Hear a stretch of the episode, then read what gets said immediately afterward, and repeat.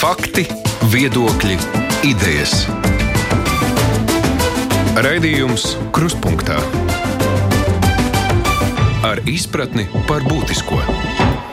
Heits Tomsons šeit studijā saku labdien, un sākot no šodienas redzījums Krustpunktā mums darbosies tādā neierastā, bet nu, nepieciešamā režīmā. Mēs vairs nevaram šeit uz studiju aicināt cilvēkus, neriskējot ar viņu, un faktiski līdz ar tā arī visa radio spēja turpināt darbu. Tādēļ no šīs dienas viesu radio mums vairs nebūs. Līdz ārkārtas stāvokļa atcelšanai arī mēs strādāsim šeit attālināti. Tiesa, es tepat studijā esmu un ceru arī būšu nākamajās dienās, bet mūsu intervējamie atrad, atradīsies no nu, tur, kur viņi ir. Tātad mūsu intervijas, diskusijas, sarunas būs tikai un vienīgi attālināti, izmantojot dators, telefons un internetu. Tas nozīmē, ka klausītājiem ir jārēķinās ar sliktākas skaņas vai video kvalitāti. Nu, kādu no aparatūru katram no sarunas dalībniekiem tajā brīdī ir pieejama, bet, nu, toties mēs ceram šādā veidā iespēju nodrošināt nepieciešamo saturu līdšanai apjomā jebkura krīze jau ir arī iespēja. Un, nu, mēs ceram, ka mums šī jaunā situācija, kas liek tagad pielāgoties nākotnē, arī nāks tikai par labu. Klausītāji un skatītāji pagaidām es ceru, neko nezaudēs, bet uh, nu, nākotnē varētu būt ieguvēji, jo, kā zināms, jebkura jauna prasme, jaunas tehnoloģijas noteikti par sliktu nenāk. Mēs šodien runāsim par viesnīcām, restorāniem Latvijā, jo krustpunktā uz lielo interviju aicinājām viesnīcu un restorānu asociācijas vadītāju. Viņš ir arī viesnīcu operatoru Mogatel finanšu kontrolieris Jānis Spinnis. Piņakungs, mēs viens otru redzam un dzirdam, vai ne? Jā, labdien, sveicināti! Ļoti patīkami. Uh, viesnīcas īstenībā ir kļuvuši faktiski nu, par tādu pirmo uh, lielo turismu nozares upuru Latvijā jaunā koronavīrusa dēļ, jo kamēr uh, turisma aģentūras, vai tie bija auto pārvadātāji, avio pārvadātāji vai pat akciju tirgu tikai sāku aplēst šos te jaunos izaicinājumus, jūs jau arī piedzīvojat pirmos zaudējumus, vismaz tās tie bija tātad bažas par ieceļojošo turistu veselību un, nu, pēc tam atceltās rezervācijas. Vēl pusotru nedēļu pirms mums jūsu kolēģis sacīja, ka rezervācija kritums, ja vispār viesnīcas aizpildījuma kritums ir 30%. Šobrīd mēs jau dzirdam par viesnīcas slēgšanos. Kāda ir tā situācija pašlaik? Jā, protams, šī situācija ir eskalējusies burtiski pa dienām, jo patiešām, ja pirms kāda laika mēs vēl domājām, kā tas viss būs un, un ko tas viss nozīmēs, tad uh, Tad eh, nu, viens no tādiem lielajiem signāliem bija februāra beigās, kad bija skaidrs, ka Berlīnas lielā IT izstāde tiek atcelta. Tas bija tāds signāls, ka lietas patiešām ir nopietnas. Un šobrīd, jā, ja mēs skatāmies uz šo robežu aizslēgšanas mirkli, tad, protams, eh, viesi dodas projām, anulā, rezervācijas anulējās, un situācija patiešām ir. Nu, kritums jau ir nevis 30%, bet jau šajā periodā, kad robežas būs cieta, tur jau ir kritums 90% un vairāk. Kā, kā. Un mums arī pagaidām nav zināms, nu, vai pietiks ar šo pirmo izsludināto ārkārtas stāvokļa termiņu līdz 14. jūlijam. Nu jā, tas gan skaidrs. Nu, ne 14. aprīlim pagaidām jau vēl tikai. vēl jau līdz jūlijam tālu, vai ne? Bet skatoties, nu būtībā vispār kādi viesi, ja tur paliek, tad tie tikai Latvijas viesi, ja kas kaut kur pa vietu pa Latviju ceļo. Nu, faktiski šobrīd eh, brauc ārā visi. Nu, tas, kas ir, protams, eh, ja robežas ir cieta, tas, uz ko var paļauties, tas ir šis vietējais patēriņš. Un, protams, par to ļoti aktīvi strādā jau Eiropas valsts, kas um, aktīvi jau pievēršās tieši uz tiem viesiem, kas var būt, kas var rīkot pasākumus, nu, limitu ietvaros, protams. Bet, nu, tas ir tas patērētājs, kas vēl ir palicis. Tā kā, jā, tie, kas var ar mašīnām atbraukt un, un izmantot šo situāciju, jā, tas ir tas, ar ko mēs vēl varam rēķināties. Bet, nu, Tas, protams, absolūti eh, nenosedz to pieprasījumu plūsmu, ar kādu ir mūsu nozara attīstījusies. Nu, kas tagad notiks tālāk? Nu, es paredzu, ka uh, uz šo laiku viesnīcas tiks aizvērts, uh, tiks aizvērti arī restorāni. Uh, tā kā šis pielāgosies piedāvājums, pielāgosies pieprasījumam, protams, restorāni mm, šobrīd daļa, kas spēja, viņi jau pielāgojās šim ēdināšanas pakalpojumam, tad, kas ir Tad šeit visas kompānijas, kas piedāvā piegādi ēdienu uz mājām, tas ir restorāniem iespēja. Nu, tā, protams, nenosaks visu to, kas tiek zaudēts, bet nu, runa ir par nu, tādu lielu zaudējumu mēnesi. Tāpēc šobrīd tas ir tas, ko nozara gaida. Nozara gaida arī tādu kā nu, uzticības apliecinājumu no valdības puses par to, ka šī nozara ir svarīga un ka šie instrumenti, kas būtu nepieciešami, lai šo nozari izglābt un uzturēt līdz tam brīdim, jo nu, mēs jau saprotam, ka uh, tas nav pasaules gals. Un situācija ir, nu, viņa kaut kādu brīdi šāda būs, nu, viņa kādu brīdi varbūt eskalēsies vairāk vai mazāk, bet kaut kad viņa beigsies. Un, lai tajā brīdī, kad, uh, kad viņa beidzās un tā dzīve tiešām sāk atgriezties normālās sliedēs, lai mēs būtu gatavi tam, lai mums nav tā, ka mums ir jāsāk viss no baltas lapas, lai mēs esam ļoti labā pozīcijā, lai mēs tajā brīdī pēc iespējas ātri spētu nu, atgriezties jau kaut kādā nu, starta punktā, nosauksim to. Ko tas nozīmē gatavība? Nu, kādā ziņā? Nu, nu, tad, kad parādās turistu interesi, jā, tad atkal varas vaļā. Tā. Nu, principā gluži, gluži tik vienkārši nav, jo šobrīd arī viens no, nu, pat, patiesībā pats pirmais darba kārtības jautājums ir šobrīd, ko darīt ar darbiniekiem. Jo tas ir nu, viennozīmīgi, šis pakalpojums ir saistīts ar personālu, viņš ir saistīts ar personālu klātienē, šo nevar izdarīt attālināti. Tāpēc uh, Tāpēc, eh, ko darīt ar darbiniekiem un kādā veidā viņus saglabāt nozarē, jo mēs kā nozare mēs nevaram atļauties pazaudēt darbiniekus. Mums viņi ir tik, cik ir. Mēs jau tā cīnāmies par to, ka eh, šie cilvēki, kas spēj strādāt eh, izmitināšanas, ēdināšanas nozarē, ka viņi ir ļoti pieprasīti arī citās valstīs. Tāpēc mēs jau labajos laikos laik cīnījāmies par to, lai viņi pie mums paliktu šie cilvēki. Un tāpēc nu, ar šādām te, ja, ja tam būs nepieciešams masveida darbinieku atlaišanas vai tas var cilvēkiem vienkārši pamudināt izvēlēties citu nozari, kurā strādāt. Un tas jau savukārt to mūsu atgriešanos atpakaļ padarīs krietni smagāku. Bet nav, nav, ko tad jūs varat maksāt, ja kāda alga, ja nav klientu un viesnīca ir slēgta? Šobrīd par, par to arī runa, ka ja šie cilvēki aiziet uz bezdarbnieku pabalstiem, viņiem tāpat ir jāmaksā no sociālā budžeta nu, noteikti summas. Viņiem tāpat tās viņi būs bezdarbnieki, tāpat valsts budžets kaut ko maksās. Un tāpēc mēs šeit kā risinājumu redzam dīkstāvs maksājumu, kur cilvēki paliek pie mums, un, mums, un šis maksājums tiek veltīts nevis nu, tā kā bezdarbniekiem, viņiem, bet tieši kā darbiniekiem, kas strādā jau šajā nozarē, paliek viņā un vienkārši savādāk to nosaukt. Bet pēc būtības eh, sumāri tas eh, no valsts viedokļa būtu tieši tas pats, vai viņiem maksā bezdarbnieku pabalstu, un viņš jau meklē un skatās kaut kur citur, vai viņš paliek tomēr šajā nozarē un saņem atalgojumu. Bet šo dīkstāvi maksātu, to dīkstāvu maksātu nevis darba devējs, bet valsts. Bet tā būtu kā valsts subsīdija. Jā, tas ir punkts, patiesībā punkts numur viens, ko mēs šorīt burtiski darba devēja konfederācijā, kad spriedām, ko likt priekšā, kad mēs redzam šīs subsīdijas darbinieku atalgojumam 75% apmērā no viņa algas. Tas ir tas, kas būtu valsts sedzams, un darbinieks paliek nozarē, nevis darbinieks aiziet uz bezdarbnieku pabalstu un tad iespējams, ka nozara viņu zaudē. 75% jūs prasītu no brutto vai no neto tagad es prasu? Nu, tas ir jautājums, jo mums ir arī šeit vēl priekšlikumi par to, ko darīt ar darba nodokļiem. Tāpēc, tāpēc nu, noteikti tas būtu neto summa, ko cilvēkam jāsaņem. No tā, ko viņš līdz šim saņēmis, vai ne? Jā, Nu, jā, tā ir viena lieta, kā jūs varētu risināt. Par cik lielām no nu, tādām ļaužu kopienu mēs runājam, no cik ir tev darbinieku, kas vispār ir iesaistīti šobrīd uh, viesnīcu un turismu šajā jomā? Nu, tātad, jā, iz, izmitināšanā un ēdināšanā tur mums kopā strādā 32,000 darbinieku. Nu, papildus vēl ir uh, turisma aģentūras un, un uh, šīs organizācijas, kas arī, protams, ir cietušas, un tur ir ap 2000. Tā, kā, tas, uh, tā ļaužu masa ir liela. Protams, uh, visus tas skar, un tāpēc, eh, tāpēc šis, te, šis te apjoms ir eh, šobrīd jāapzina un jāsaprot vispār šī, te, nu, šī te kopējā, kopējā naudas masa, kas būtu mm. nepieciešama. Tas ir tas ir jautājums līdz ar to, ja jums ir šobrīd tas pirmais aicinājums šādā veidā valdībai nākt tālāk, par kādām summām mēs runājam, cik vispār saņem vidēji viesnīcās un restorānos strādājošie. Vidējās algas bija zem valsts, eh, valsts. Ja valstī brutto alga mums bija pagājušajā gadā virs 1000 eiro, tad izmitināšanā bija ap 900 un ēdināšanā ap 700 brutto. Tas ir šīs vidējās algas, jā, kuras mēs attiecīgi varam pareizināt ar 32 tūkstošiem strādājošo. Es skatos vienu vēstulīti, kur viens klausītājs mums raksta, es viņu nolasot tā īsi visu nenolasīšu, bet sākumu tad no tā arī jautājums izriet.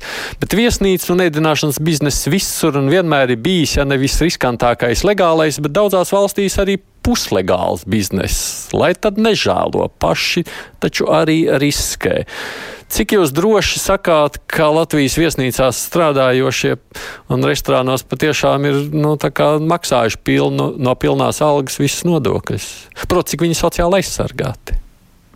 Mm, jā, šeit ir arī vairāki aspekti, par kuriem arī mēs jau šorīt runājām. Protams, eh, ēna ekonomikas īpatsvars tradicionāli ir augstāks tur, kur ir skaidrās naudas īpatsvars. Līdz ar to izmitināšanas nozari mēs varam, eh, varam jau nedaudz nolikt eh, nost, jo tur tomēr skaidrās naudas īpatsvars ir būtiski mazāks, tur ir daudz rezervācijas, un, kas tiek apmaksātas jau ar, ar kartēm un vispār ar citiem, citiem pārskaitījumiem. Tāpēc, bet, protams, ja mēs skatāmies uz šo, uz šo nozares legalizāciju un to, cik pasargāti, tad noteikti visi strādājošie nozarē tiks dalīti, varētu teikt, divās daļās. Kad viena būs daļa, eh, kas ir šie uzņēmumi, kas ir maksājuši nodokļus, nu, tas ir valsts ieņēmuma dienesta rīcībā noteikti dažāds. Dažādi šie reitingi, kur ir nu, šie īpaši svarīgie uzņēmumi, kuri ir varbūt tādi, kas, eh, kas visu laiku ir balansējuši uz robežas. Jo es nedomāju, ka šeit varētu 32,000 darbinieku pareizināt ar kaut kādu koeficientu, un tā būtu subsīdija. Visdrīzāk, ka tiks dalīts. Būs uzņēmumi, kas ir godīgi maksājuši nodokļus, kuru algas ir tuvas vidējai valsts algai, nu, tātad, kas, ir, kas ir apzinīgi strādājuši. Tur būs nepieciešams glābt uzņēmumu. Savukārt, otra daļa ļoti iespējams, kas ir uzņēmumi, kas ir strādājuši un kur darbinieki saņēmuši minimālo algu un pat zem minimālās algas, ļoti iespējams, ka tur šie glābšanas pasākumi jau ir netik daudz nepieciešama uzņēmumam, kā jau tiem pašiem darbiniekiem. Jo, ja viņi ir sociāli tik neaizsargāti, tad tur jau šī subsīdija nepieciešama jau konkrētiem darbiniekiem, konkrētiem strādājošajiem, kas šobrīd uh, zaudē iztiks līdzekļus. Es pieļauju šādu sadalījumu. Par to mums vēl nav bijusi saruna valsts ieņēmuma dienestu, jo šis viss nu, burtiski ir uh, absolūti uh, karsts mums arī, mums arī pašiem apspriešanā. Bet, nu, runājot par subsīdijām darbiniekiem, noteikti uh, būtu uh, valsts ieņēmuma dienesta rekomendācijas par to, kā šos uzņēmumus dalīt un, un uz kuriem tad attiecināt kādu pieeju. Mm. Tas nozīmē, ka jūs arī nojaušat vai apzināties, ka vairāk ēdināšanas, ja jūs sakāt, nozarē ir skaidrās naudas apgrozījums un līdz ar to nodokļu maksāšanas jautājums zīmes. Tur būtu jāskatās sarakstā. Tur šobrīd grūti, grūti spekulēt par to, bet uh, Jā, droši vien. Runājot savukārt par uh, darbiniekiem, tas ir viens, bet otrs ir jau kas notiek ar pašiem ēkām, restorānu īpašumiem, īpašniekiem savukārt. Nu, it īpaši par viesnīcām runājot. Nu, viņas stāv slēgtas. Biznesa šādā veidā var cik ilgi noturēties ar slēgtām telpām. Nu, ja telpas ir slēgtas, tad, protams, ir jāsaprot, kādas izmaksas mums ir saistītas jau ar slēgtām telpām. Tātad nu, vēl viens no instrumentiem, kas šobrīd tiek runāts jau sadarbībā ar Altumu, tās ir garantijas un kredīta brīvdienas. Jo noteikti, ja tās ir uh, viesnīca ēkas vai ja tās ir restorāna ēkas, nu, jebkurš īpašums, kas ir, ja viņš ir iegādāts kredītā, tad tur ir noteikti maksājumi. Un, attiecīgi, ir nepieciešams uz, nu, uz kaut kādu periodu. Nu, šeit runāt, runāt par vienu mēnesi droši vien būtu pārāk, jo biznesam ir jāatgriežas, jāstabilizējas. Domāju, mēs runājam par apmēram periodu līdz šī gada beigām. Būtu nepieciešams kredīt brīvdienas. Tad tas ir arī viena no sarunām, kas tiek runāta un uh, kur arī ir uh, jāiesaistās Komercbanka asociācijai par tieši par šo te attieksmi, kā uzņēmumu šādos apstākļos viņi var pretendēt, jo īpaši, ja viņš līdz šim ir strādājis veiksmīgi un īsti nav iemesli domāt, ka situācija normalizējot, šī veiksmīgā darbība neturpināsies. Um Runa lielākoties ir šobrīd par uh, visām Rīgas viesnīcām. Kur ir tā situācija sarežģītāka? Rīgā vai arī tajās mazajās viesnīciņās, kas ir ārpus Rīgas, kuras droši vien ir vairāk arī paļāvušās uz vietējo turistu? Un mums, mums šobrīd visās sanāksmēs arī vairāk ir pārstāvēts Rīgas viedoklis. Tāpēc, bet, bet es zinu, ka ir grūti arī reģioniem, jo tik cik mēs esam neklātienē ar viņiem sazinājušies, ka, protams, visas lielo pasākumu, nu, lielo, cik nu, nu, salīdzinoši apmēra pasākumu atcelšanas, tas noteikti ietekmē arī visus reģionus, jo, ja varbūt pašos krīzes pirmsākumos tur reģioni bija optimistiskāki, ka viņš tas varētu skart mazāk, tad šobrīd ne, arī reģioni cieš, un tas, kas tiešām ir būtiski, kad nu, nezaudēt gluži tos ceļošanas ieradumus, un patiešām, nu, ja nevar, nevar doties uz kādu tālāku gala mērķi, tad doties tepat uz kādu tuvāku gala mērķi tepat Latvijā. Jo patiešām nu, šobrīd šis te Latvijas tirgus viņš ir ļoti atkarīgs no vietējā patēriņa, līdzīgi kā tās krīzes situācijās to dara pārējā Eiropa. Tieši tāpatās tas būtu jādara mums, arī, arī vairāk orientējoties. Un, un arī tas ir aicinājums pašiem viesmīlības nozares uzņēmumiem arī izstrādāt jau tādus produktus priekšvietējiem. Tad nu, droši vien jau arī šobrīd ceļot pa Latviju daudziem neliekas drošākais veids, īpaši ņemot vērā, redzot to, kas notiek citvietā Eiropā, slēgto karantīnu vispār aizliegumiem iziet no mājām ārā. Protams, šis, šī situācija ir tāda, kas vēl nav piedzīvota. Tāpēc tas ir nu, katra paša interpretācija par to, ko nozīmē saslimt un ko nozīmē uzmanīties. Jā, ja mums būs karantīna, neiziet no mājām, nu, tad, tad mums būs tā arī jārīkojās. Nu, ja šobrīd mums ir nu, tā situācija tāda, ka mēs daudz maz varam izsekot katram saslimušajam un viņu pieskatīt, ielikt karantīnā un novērot, kā viņš veseļojas, tad nu, kopumā tas ir signāls sabiedrībai kopumā, ka šajā telpā mēs varam justies droši. Tiem klientiem, kas savukārt bija rezervējuši un ir jau samaksājuši naudu, viņiem tā netiek atgriezta. Šobrīd ir iznācis pieprasījums, kad visām saistībā ar šo koronavīrusu, kas ir force majeure situācijām, ka šīs rezervācijas, kamēr valstī ir šī ārkārtas situācija, noteikti viņas ir atgriežamas. Respektīvi, rezervācijas, kas ir par periodu līdz 14. aprīlim, jā, aprīlim tad viņas ir atmaksājums. Ir ko atmaksāt uzņēmējiem? Jā, protams. Protams, tā nav. Mēs, neesam, mēs noteikti neesam saņēmuši signālus, ka būtu kādam problēmas ar to, ka viņš nespētu, nespētu atgūt naudu. Jūs sacītais faktiski nozīmē to, ka šajā nedēļā, ja daudzas viesnīcas paziņos par slēgšanos, mēs vakar redzējām vienu mūsu daudziem droši vien pazīstam bijušās iekšlietu ministras paziņojumu, ka viesnīca Roma tiek slēgta, tam vajadzētu sekot visām šajā nedēļā nevienai vienviesnīcai. Ja? Jā, noteikti, jo tā būs vai nu slēgšana, vai tā būs dīkstāve, atkarībā no tā, kāds instruments tiks piemērots. Bet jā, noteikti, kad uh, viesnīcām nesot darbam, protams, viņas tiks. Darbīgi. Kas, kas notiks ar jūsu Mogatelu grupu, par kur, kur jūs savukārt pārstāvat? Nu, arī, arī tieši tāpatās domājam, izvēlamies kādu, kādu atsevišķu viesnīcu, ko varētu atstāt vaļā. Bet jā, arī, arī mums ir šis lēmums smags, arī skatāmies arī plānojam rēķinam, uz cik ilgu laiku uh, šī slēgšana varētu būt un kāds, kāds būtu tas bizness, tad, kad viņš atgriezīsies jau. Nu, cerams, pēc tā 14. aprīļa. Vai kāda varētu arī neatgriezties, ja proti, vairs neatvērties atpakaļ?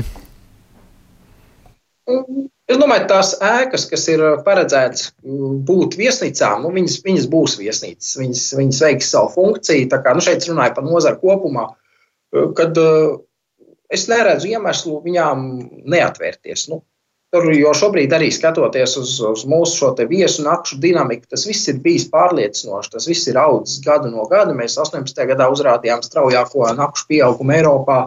Nu, 21. gadā mums ir maijā gaidāms hokeja pasaules čempionāts. Ir tādi notikumi, kas patiešām nu, drusciņi dod optimismu. Mums jāskatās, kas notiks, jo nu, arī visi lielie pasākumi ir uz tāda, uz tāda režīma, kad viņi, kas ar viņiem būs vai nebūs. Uzskaitā arī Olimpiskās spēles šī gada, kas ir paredzētas, arī vēl ir, vēl ir uz jautājumu zīmes. Tā kā jāskatās, bet, bet nu, ņemot vērā to, kā nozara ir augusi, nu, es, es neredzu iespēju, nu, nepieciešamību šim apstāties. Ja mēs, varam šo ieguldīto darbu nepasaukt. Jo tas jau, ko savukārt nu, daudziem droši vien arī pamatotas bažas sakot, aprīlī jau nekas nevarētu nebeigties, maijā arī varbūt vēl nebeigsies, un vispār nezinām, vai ne, jo tas vīrus labprāt dzīvojās arī pa karstajām zemēm. Un cik ilgi tā var turpināt? Nu, tur noteikti būtu attiecīgi plāni A, B vai C. Jo nu, arī šobrīd, ja mēs skatāmies, šobrīd tas ir viens plāns. Ir, ir aizvērts robežas un ir uztaisīta šī pašizolācija, kas ir, kas ir labi. Tas ir drastisks plāns, tas ir patiešām mērķis ierobežot. Un tas ir solis, kā patiešām to visu ierobežot, lai ar to nu, katra valsts savā teritorijā vienkārši tiek galā un izcīnās. Bet, protams, tas, tas var prasīt ilgāku laiku, ja mēs arī Skatāmies eh, to pašu Ķīnu. Tur man eh, nesen uzrakstīja zinām cilvēki, kas ir nu, tikko burtiski izgājuši atkal vakariņās ārpus, ārpus savām mājām. Līdz ar to šobrīd ir eh, marta vidus, viņiem tas uzliesmojums sākās nu, teiksim, tā gadu mijā. Līdz ar to nu, divi pus mēneši, un tad tā dzīve pamazām, pamazām sāk atgriezties. Nu, kad cilvēks sāk noticēt, ka patiešām tas vilnis ir beidzies, un mēs varam drošāk iet, protams, tik un tā ievērojot pašu savus higiēnas noteikumus, lai lai, lai lieku reizi neprovocētu situāciju. Bet, bet nu, tā dzīve pamazām sāk atgriezties. Tātad, tur ir pagājuši nu, divi, pus, trīs mēneši kopš, kopš šīs situācijas eskalēšanās. Klausītāju vēstulēs lūkojos, ko ļaudis raksta mums, klausoties šo sarunu. Nu, dažas vēstules ir līdzīgas. Es nolasīšu tā visīsākā Normunds. Mums ir kapitālisms. Vai kas? Kāpēc sabiedrībai jāuztur nerentabls bizness, lai taču bankrotēm?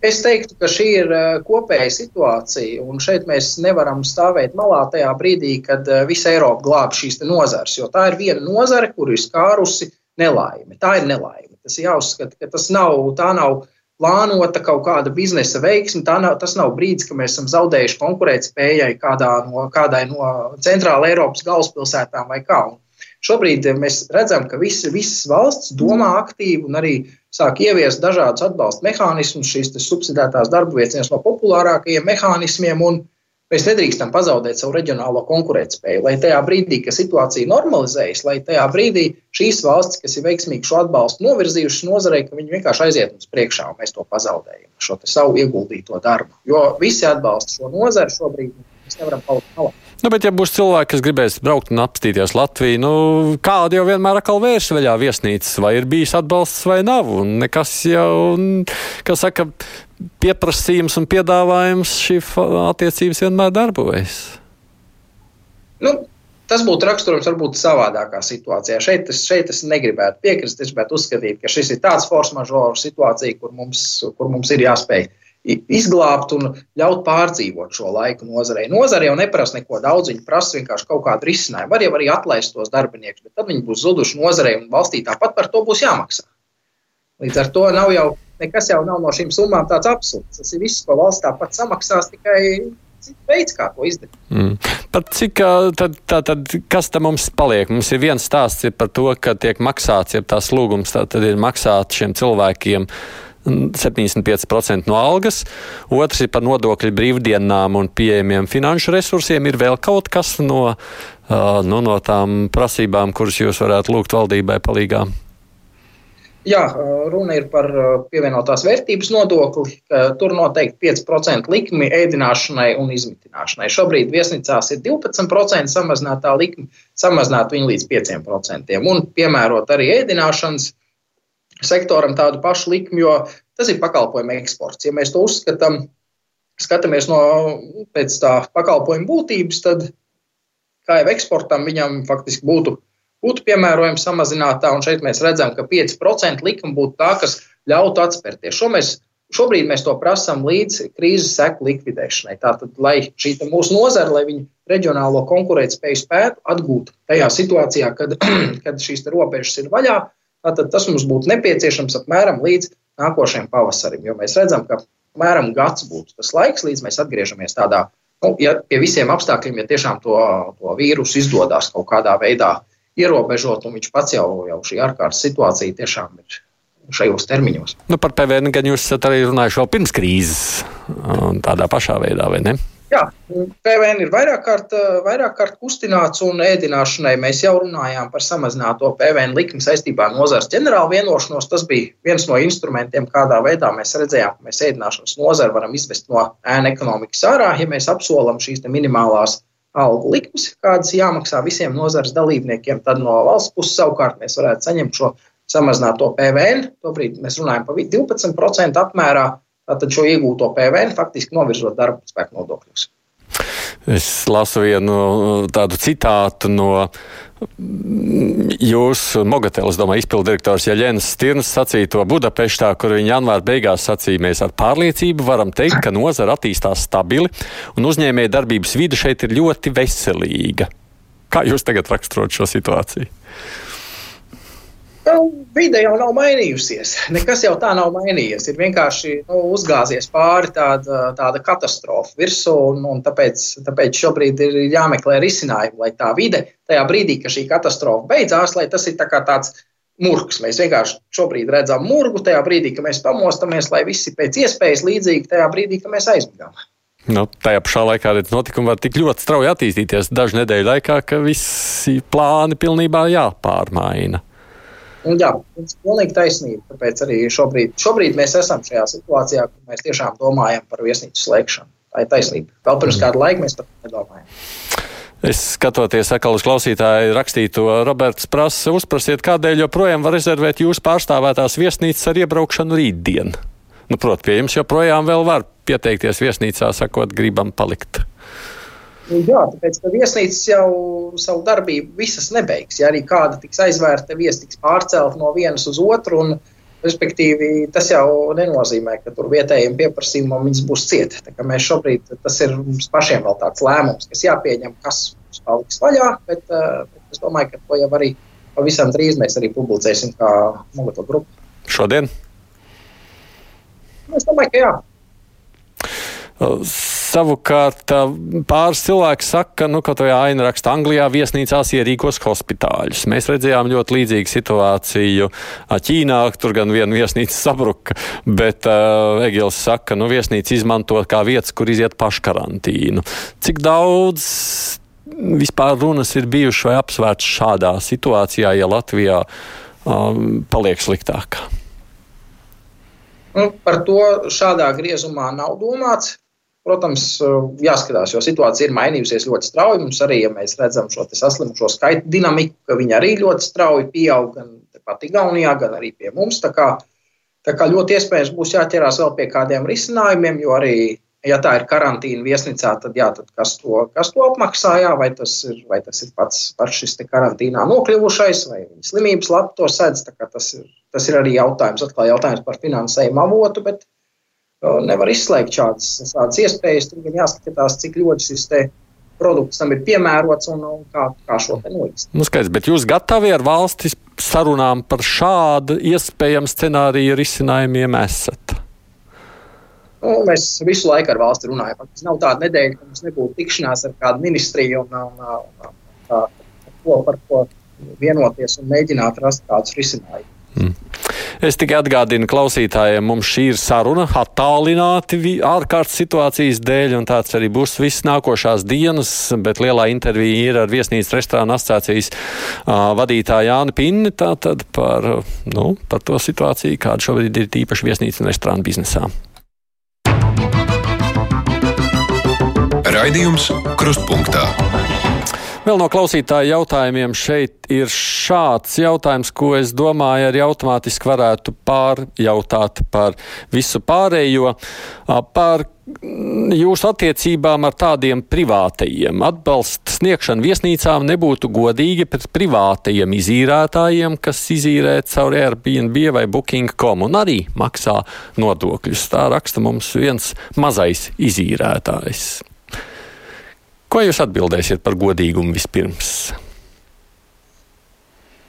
Tā, nu, man ir grūti, grūti saprast šo jautājumu, bet jā, faktiski, ja, ja tās ir subsīdijas darbinieku atalgojumam, un ja mēs šeit skatāmies uz nodokļu maksātājiem, man gan valsts ieņēmuma dienas nav, nav pagaidām vēl nekāda tabula atsūtīta par to, nu, kur ir tie nozares dalībnieki, kas uz to varētu pretendēt. Līdz ar to Es pieļauju, ja šie, te, šie te privātie izmitinātāji arī ir maksājuši nodokļus, un ja viņi to var pamatot, tad arī viņi uz to varētu pretendēt. Tam nebūtu jābūt tādam uh, solim, ka tāpēc viņi to lūk, uz viņiem tas neatiecas. Mm. Jo viņi jau arī cieši dēļ tā, ka ārvalstu turistu vairs nav. Un pamatā jau droši vien, ka lielākoties jau nu, diez vai es gribētu pats Rīgā izīrēt uz nekādu nakts dzīvokli, ja nu kādam īpašam notikumam.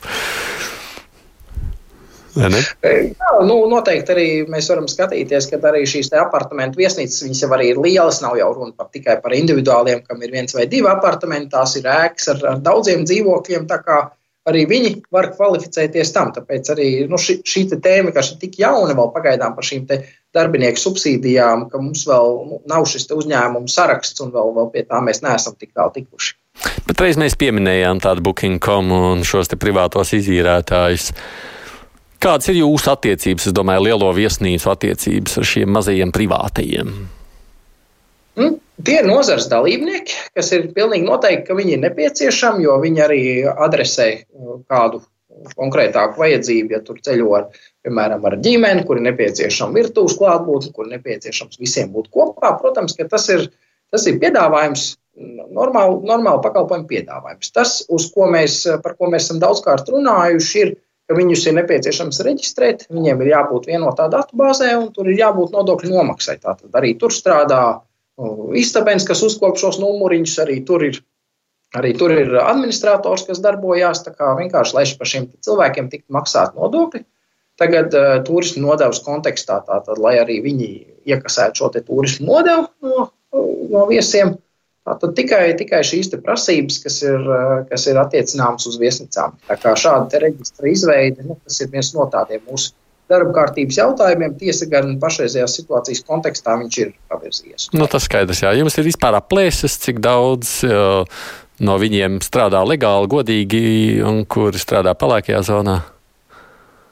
Nē, tādu aplēšu mums nav. Mēs esam tiekoties ar valsts ieņēmumu dienestu jautājuši, kā viņi ir eh, ar savu kontrolas mehānismu, kā viņi ir šo ievērojuši.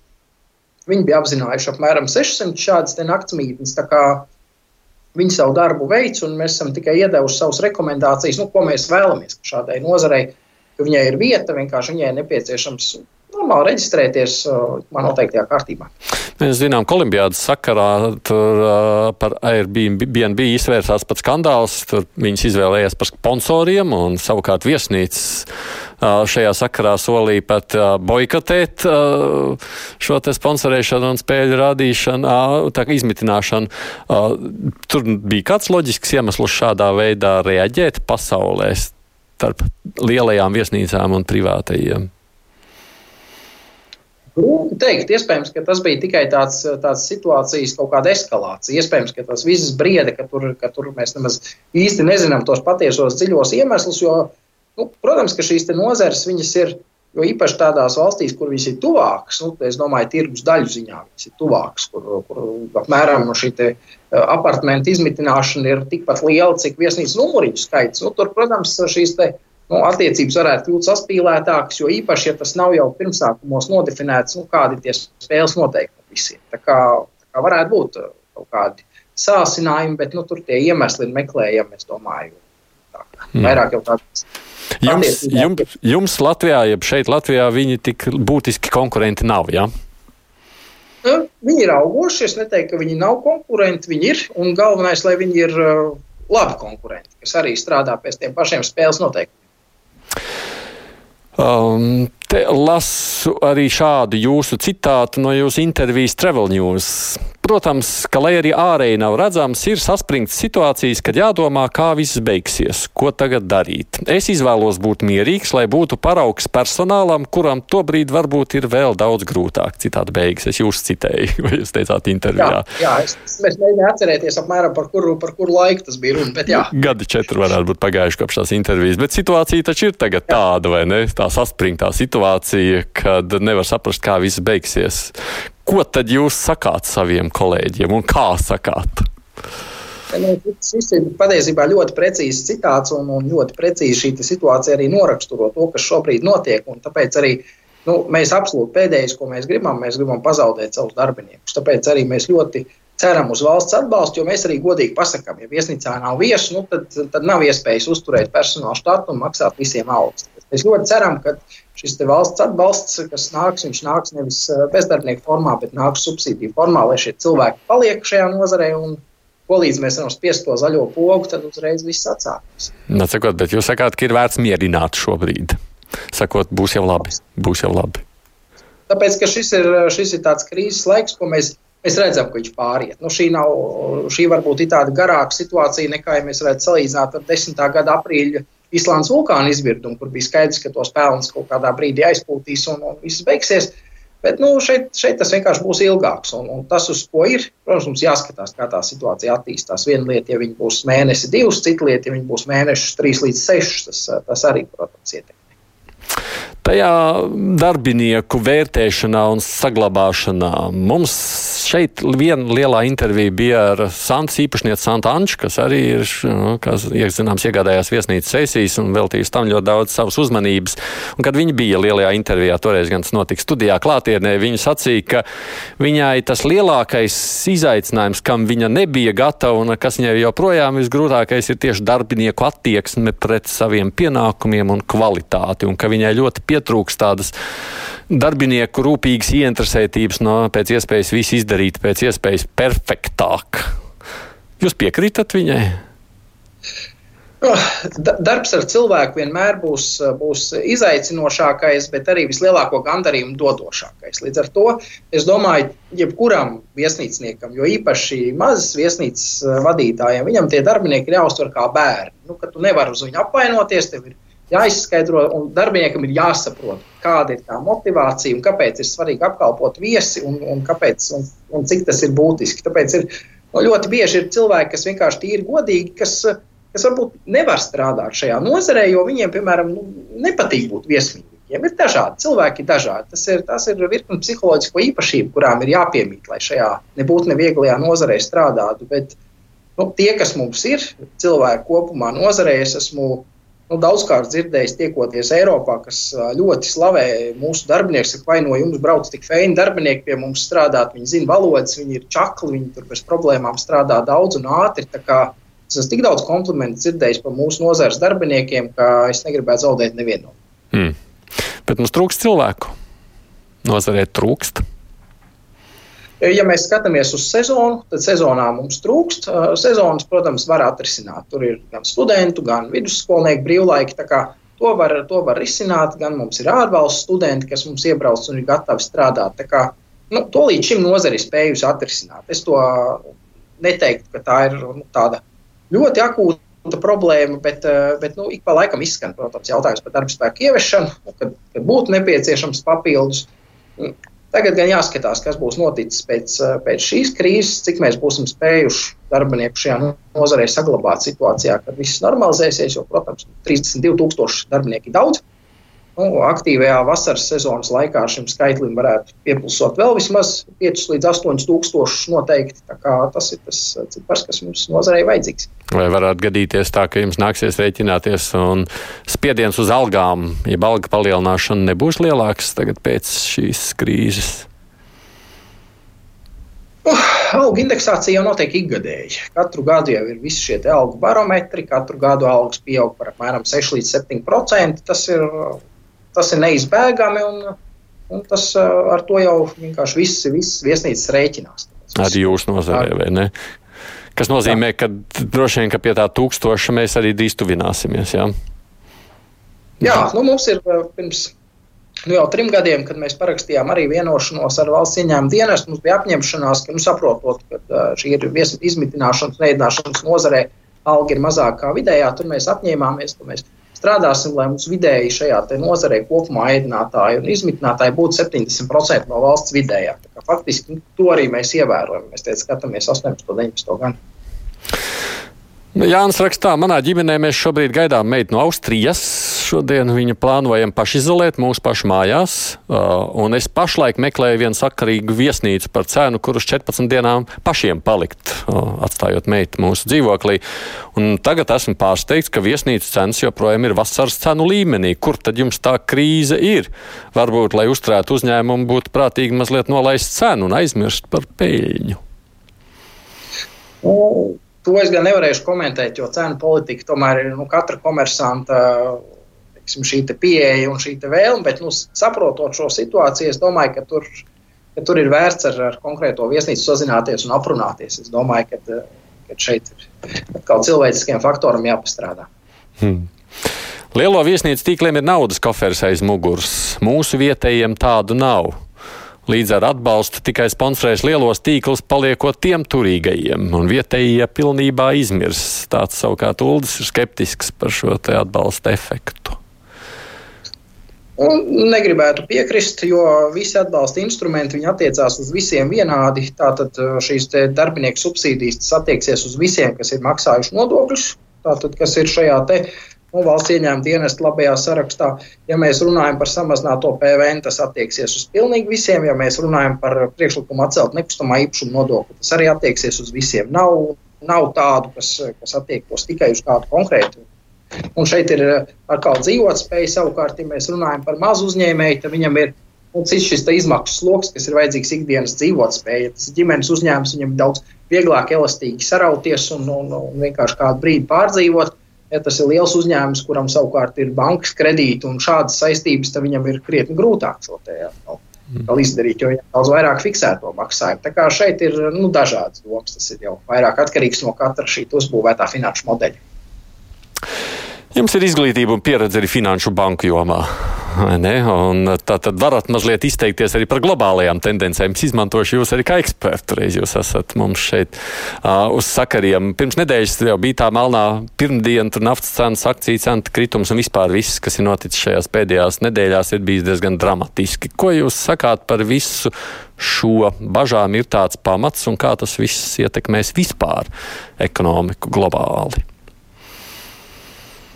Nu, grūti komentēt, jo aiz katrām tādām ekonomiskām norisēm tom, tomēr stāv jau kaut kādas intereses, par kurām mēs uzzinām tikai pēc tam. Kā, kāpēc, kāpēc kaut kāda tirgus bija ļoti jāsašūpo, tas arī ir, arī ir cits jautājums, un arī tas bija. Mm. Jūs pieļaujat, ka tur, à, jūs pieļaujat, ka tur tomēr ir kāds spēlējis tirgus spēli? Ļoti, ļoti iespējams, iespējams, protams, arī ir apstākļu nelaimīga sakritība. Nu, globāli tas, kas ir skaidrs, kad, eh, kad šogad eh, globālā IKP, protams, šī krituma prognoze jau ir kaut kur redzēja pusotras procents, bet ļoti iespējams, ka šis cipars varētu būt vēl mazāks, tā kā paredz šo, te, šo te recesiju.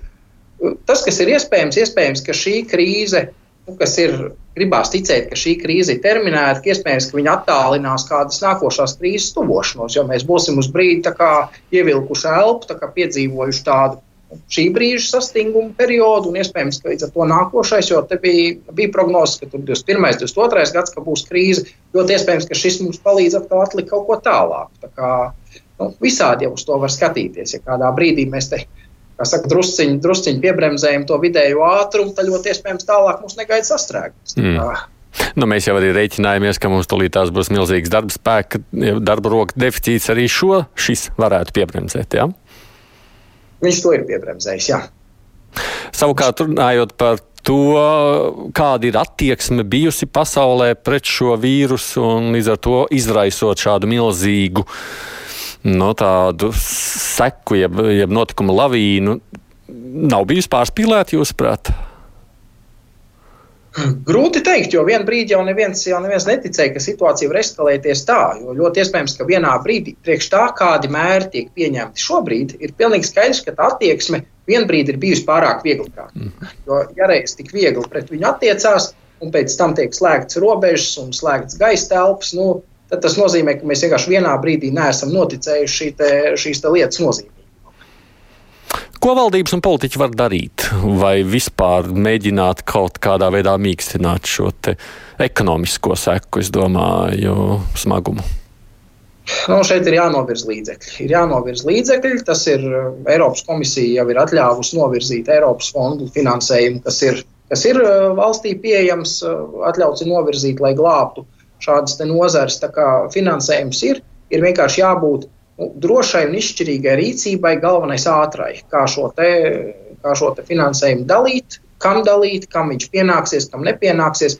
Līdzīgi kā ļoti ātri mēs noslēdzām robežas, un tas tika izdarīts, kas ir labi. Mēs nonācām pašizolācijā, ļoti labi. Mēs tiksim ar to vīrusu galā, tas tiks izdarīts. Un tieši tāpat jābūt šobrīd šiem atbalsta mehānismiem. Arī viss mēs esam pašizolācijā, tātad tagad atbalstam šo pašizolēto savu valsti, lai, lai visi varam izdzīvot un sagatavoties tam, kā veiksmīgi strādāt tajā brīdī, kad šī pašizolācija beigsies. Bet naudu, lai dalītu, viņi ir jānopelna. Nopelnīt var tad, kad kaut ko dara un ražo. Un šobrīd tas bažas ir par to riteni. Nu, mēs apturam faktiski dzīvi valstī, un valdībai jau naudu ir jādabūna no tiem pašiem uzņēmējiem, kā jums, kas tagad slēdzas. Jā, protams, un tā tas notiek visā pasaulē šobrīd, jo īpaši tuvajā Eiropā. Līdz ar to tas, eh, nu, tā, ir, tā ir tāda, tāda situācija, tāds force majeure, kurā vienkārši ir jārīkojas, lai uz brīdi to, to ekonomiku paglābtu, turpinot eh, visus valsts iepirkumus un visu, ko vien var, lai šo situāciju nu, pēc iespējas sildītu un pēc iespējas neļautu viņai pazust. Vai jūs prāt, Eiropai būtu jāļauj arī aizņemties vairāk? Uh, Jā, es domāju, es tagad neatceros, vai tas jau nav atļauts, vai tas ir darba kārtībā, bet jā, uz šī, te, uz šī te rēķina jā, jo īpaši, lai varētu piešķirt kaut kādas papildus garantijas un, un valsts atbalsta instrumentus.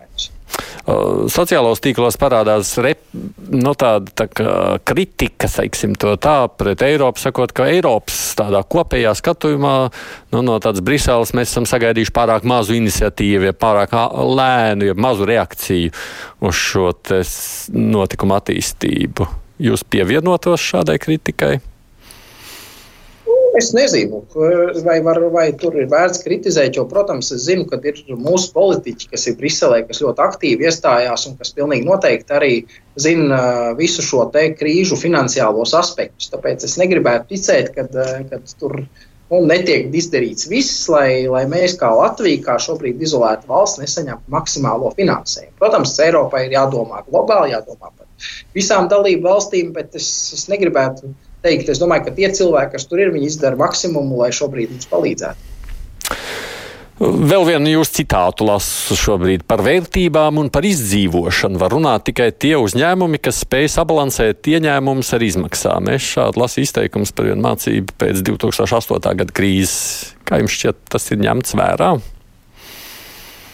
Uh, Sīras forsmažora situācija. Šeit ļoti grūti ir kaut ko sabalansēt, jo šeit mēs vienkārši nonākam brīdī, kad nav ieņēmumu. Šeit drīzāk varētu runāt par to, vai labajos laikos uh, uzņēmēji rēķinājušies, ka var pienākt sliktāka laika un tiek veidot kāda rezerve. Nu, par cik šobrīd pēdējie gadi jau pēc visas ģeopolitiskās situācijas ir bijuši tādi, ka uzņēmēji nu, vairāk vai mazāk dzīvo no rokas mutē, tas šobrīd ir nu, grūti arī prasīt kādu rezervi no viņiem, jo pārāk mazs laiks ir bijis, lai, lai atbildētu atgūtos. Un šis simtgadus gads, nu, 2018. viņš mūsu nozarē bija nu, tāds pirmais tāds gads, kurā beidzot varēja ievilkt telpu. Nu, tam sekoja nākamais gads, kas bija samērīgi labs. Nu, un pienāca šis gads, kad jau kad visi domāja, ka vajag visam veiksmīgi turpināties līdz 21. gada hokeja čempionātam un tā no, no, lielāk, no lielākiem notikumiem uz arvien lielākiem, bet atnāca Lūkas jebkura krīze jau arī liek izdarīt kaut kādas mācības. Vai jums jau ir kaut kāda nojausma, kāda pirmā doma, kura mācība jau mums būtu jāpaņem no šīs krīzes jau tagad, jau redzot, kā notikuma attīstās?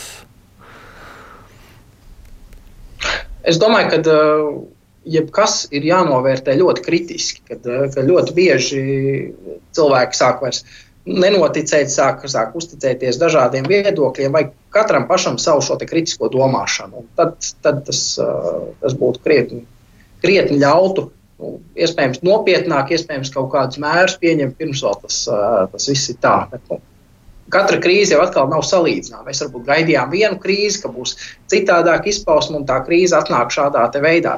Vienmēr jau cilvēki pieķers nesagatavots. Galvenais mums visiem ir spēt uh, nu, domāt pašiem un, un, un skatīties uz risinājumiem un meklēt risinājumus. Cīnīties jau ar to, kas būs jau situācija pēc tam, kad šī krīze būs pārgājusi. Bet nu, viesnīcas nozare jau faktiski nebija gatavojusies krīzē vai gatavojās kādai. Nu, šādai noteikti nē. Šī, protams, nāca kā, nāca kā pēkšņs jaunums, un tāpēc arī A, kaut kādai, esam... un kaut kādai gatavojāties, ja kaut kādu pieļāvāt? Bija, bija tādā nojausmu līmenī, ka varētu būt 21. 22. gads, varētu būt tāds atkal kaut kāda ekonomiskā recesija, ka varētu būt. Bet, nu, krīze tas nozīmē varbūt mazāk braucienus, mazāk starptautiskos pasākumus, kaut ko mm. vienkārši mazāk. Nevis tā kā šobrīd ir, ka vienkārši nekā nav. Mm -hmm.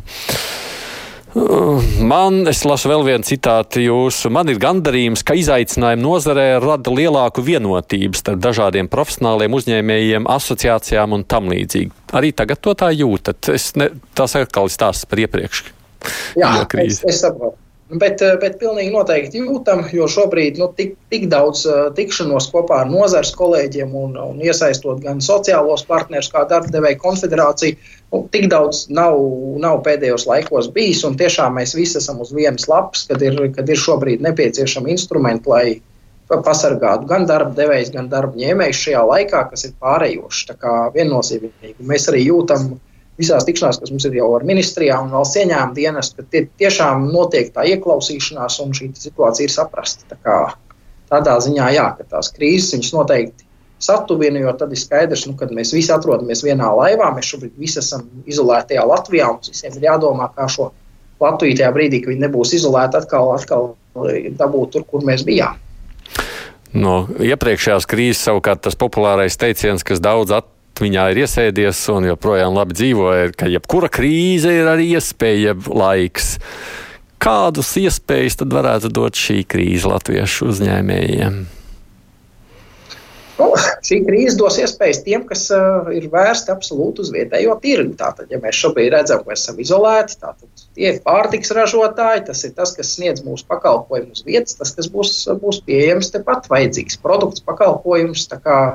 Tas, kas ir viss orientējis uz vietējo, tam šobrīd ir laba iespēja. Jo galvenais, jo īpaši tas ir viss pārējošs. Viņiem ir dot iespēju uh, šo, te, šo te savu, savu biznesu darīt, un savukārt uh, tiem, kas Tiem, kas ir šie klienti potenciālie, tiem savukārt vēl ir gan līdzekļi, lai to pirktu. Jo šobrīd mēs redzam, ka tas ir pārējošs. Bet tad no tāda savukārt starptautiskā viedokļa iznāk, tā valsts, kur pirmā pārvarēs veiksmīgāk šo krīzi, varētu ātrāk pievilināt jaunus turistus. Nu, es domāju, ka tas viss notiks gan vienlaicīgi, jo šeit tā gaisa telpa, es domāju, viņi ir tik ļoti vienota, ka, ka te nebūs tā, ka kāda valsts tur ļoti atvērs, atvērs savus robežas vaļā, kamēr citur vēl tas būs. Es domāju, ka tas būs, tas būs vienlaicīgi. Tas, kas mums ir svarīgi, mums ir tiešām būt gataviem, lai mūsu šis turisma produkts, kas mums ir, šīs viesnīcas, restorāni, konferences norises vietas, lai tas viss ir tik gatavs, cik vien var būt, uh, piesaistīt pasākums. Kaut gan, ja pieminam savukārt jūsu pašu darbošanos Mogateli, es domāju, tad jūs saņēmāt pagājušajā gadā arī kā labākais neatkarīgo viesnīcu zīmols grupu, izm grupu izmitināšanai Eiropā. Un par grupas, kā izskatās šobrīd, ir tas riskantākais klients, riskantāks nekā individuālais. Varbūt esat likuši uz nepareizu kārti. Nu, nu, nē, jebkura viesnīca, jebkurš, jebkurš viesnīcu tīkls, viņš strādā ar grupām. Grupas ir un viņas būs, un ko līdz mums šīs robežas būs vaļā, viņas atkal nāks. Un vienkārši ir jāspēj, jo jāsaprot, ir, ka pat grupām, nu, šī vārda plašajā izpratnē, protams, cīnīsies visi Eiropas un Centrāla Eiropas gala mērķi. Tā kā mums ir vienkārši jābūt tiem, kas, kas Latvijā spēj šo situāciju izmantot un, un savā labā. Tajā pašā laikā nu, lūk, mēs ar jums darbojamies attālināti un šajā piespiedu kārtā. Nu, būtībā jau viss komandējumi ir atcelti un viss notiek šādā veidā attālināti. Un daži saka, ka nu, tas. Nu, tās jaunās iespējas un jaunās prasmes, kas būs apgūtas, izmainīs arī pasauli pēc krīzes, ka vairāk nevajadzēs nemaz tik bieži darbdevējs secinās, kāpēc braukt komandējumā jau var šādi attālināti un ka to braucēju skaits samazināsies. Tā ir daudzkārt runāts arī, arī vietāluņa parādīšanās, arī Skype, arī e-pastam parādoties. Visu laiku bija runas, ka tas izskaudīs un tad neceļos. Bet nu, ceļošana ir. Tur ir pārāk daudz dažādu blakus aspektu. Tāpēc es, es nedomāju, ka šī ceļošana, to skaitā biznesa braucieni, ir apdraudēta. Nu, tā ir drīzāk komandējuma, varbūt kaut kas tāds. Ne? Nē, domāju, ka tas tāpat ir nepieciešams, jo ir pilnīgi savādāk tajā brīdī, kad aizbrauc un tiecies klātienē. Jūs pats negrasāties uh, mainīt savu profilu, skatoties, kas notiek turismas jomā, sacīt, hmm, kādu laiku taču darbojaties banku jomā un visur citur vērts atgriezties. Šī nav droša nozara.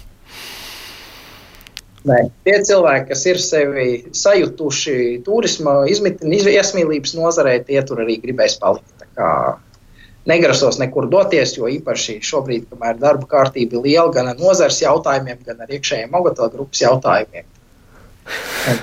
Nu, pabeidzot sarunu, es vēl vienu e-pastu. Viens klausītājs saka, ka jūsu viesnīcas restorāna asociācijas mājaslapā varētu būt kādi ieteikumi darba devējiem vai ņēmējiem šajā ārkārtas situācijā, ka jums informācija mājaslapā esot diezgan veca. Ņemšu to vērā. Paldies vērīgiem klausītājiem. Un vēl pēdējais gundega, vai šodien un rīt iebraukšos viesnīcas pieņem karantīnā? Nu, Protams, tie, kas šodien ielido no, no, no kaut kurienes. Jā, protams. Tas bija tāds pārdomu brīdi. Labi, es jums saku paldies, ka jūs bijāt šeit mums attālināti gandrīz stundas garā sarunā. Nu, tā tas mums šobrīd notiek un notiks. Viesnīcas un restorāna asociācijas vadītājs, viņš arī viesnīca operātora Mogatēla finanšu kontrolieris Jānis Pīnis. Paldies jums, Jāni, par sarunu. Paldies. Mēs rīt krustpunktā atkal tiksimies šeit kā parasti ēterā. Tad mēs runāsim par situāciju medicīnā. Nu, kā jau izsludinot ārkārtas situāciju, sacīja arī premjeras svarīgi ir nepieļaut tieši, lai būtu strauji saslimušo skaita pieaugums, jo nu, tad būtu risks, ka veselības sistēma ar situāciju vairs netiek galā. Kāda ir mums Latvijā tā aina? Kam tad mēs esam gatavi? Nu, kur ir tā kritiskā robeža, kurai pārkāpt būtu pāri bīstami un kā mēs gatavojamies, lai tas tā nenotiktu un ko darīsim, ja tas tomēr paliks sliktāk. Mums ir ļoti daudz ko rīt skaidrot. Arī rītdienas sarunu mēģināsim veidot attālināti. Nu, tāda mums šobrīd ir tā mūsu realitāte. Producents šīs dienas raidījumam Loreta Bērziņa un studijā bija Vests Aidis Tomsons. Fakti, viedokļi, idejas. Raidījums Kruspunkta ar izpratni par būtisko.